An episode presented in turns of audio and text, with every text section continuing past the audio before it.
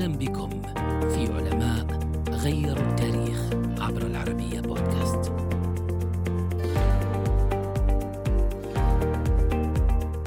قيل أنه لا يوجد طريق ملكي للهندسة أكثر مما هو عليه كتاب العناصر لإقليدس. عالم الرياضيات اليوناني الشهير وأبو الهندسة كما يلقب إقليدس الإسكندري. يرجح أنه ولد في الإسكندرية عام 300 قبل الميلاد. وهناك مصادر تحدثت أنه ولد في العام 330 قبل الميلاد. درس الرياضيات في الإسكندرية. وهناك مصادر تحدثت أنه درس في الأكاديمية الأفلاطونية في اليونان وقام بتدريس العلوم الرياضية في مصر في عهد بطليموس الأول. كتاب العناصر يعد واحدا من أكثر الأعمال تأثيرا في تاريخ الرياضيات وبقي يدرس حتى أوائل القرن العشرين.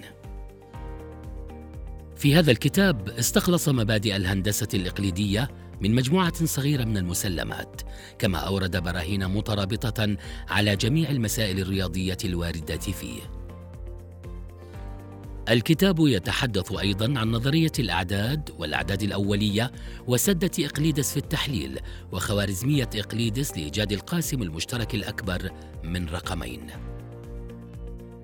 عثر على أقدم مخطوطة لكتاب العناصر باللغة اليونانية في منطقة البهنسة الأثرية في مصر وهي من الجزء الثاني من الكتاب. طبع كتاب العناصر لأول مرة في العام 1482 في البندقية وهو من أول الأعمال الرياضية التي تمت طباعتها بعد اختراع المطبعة.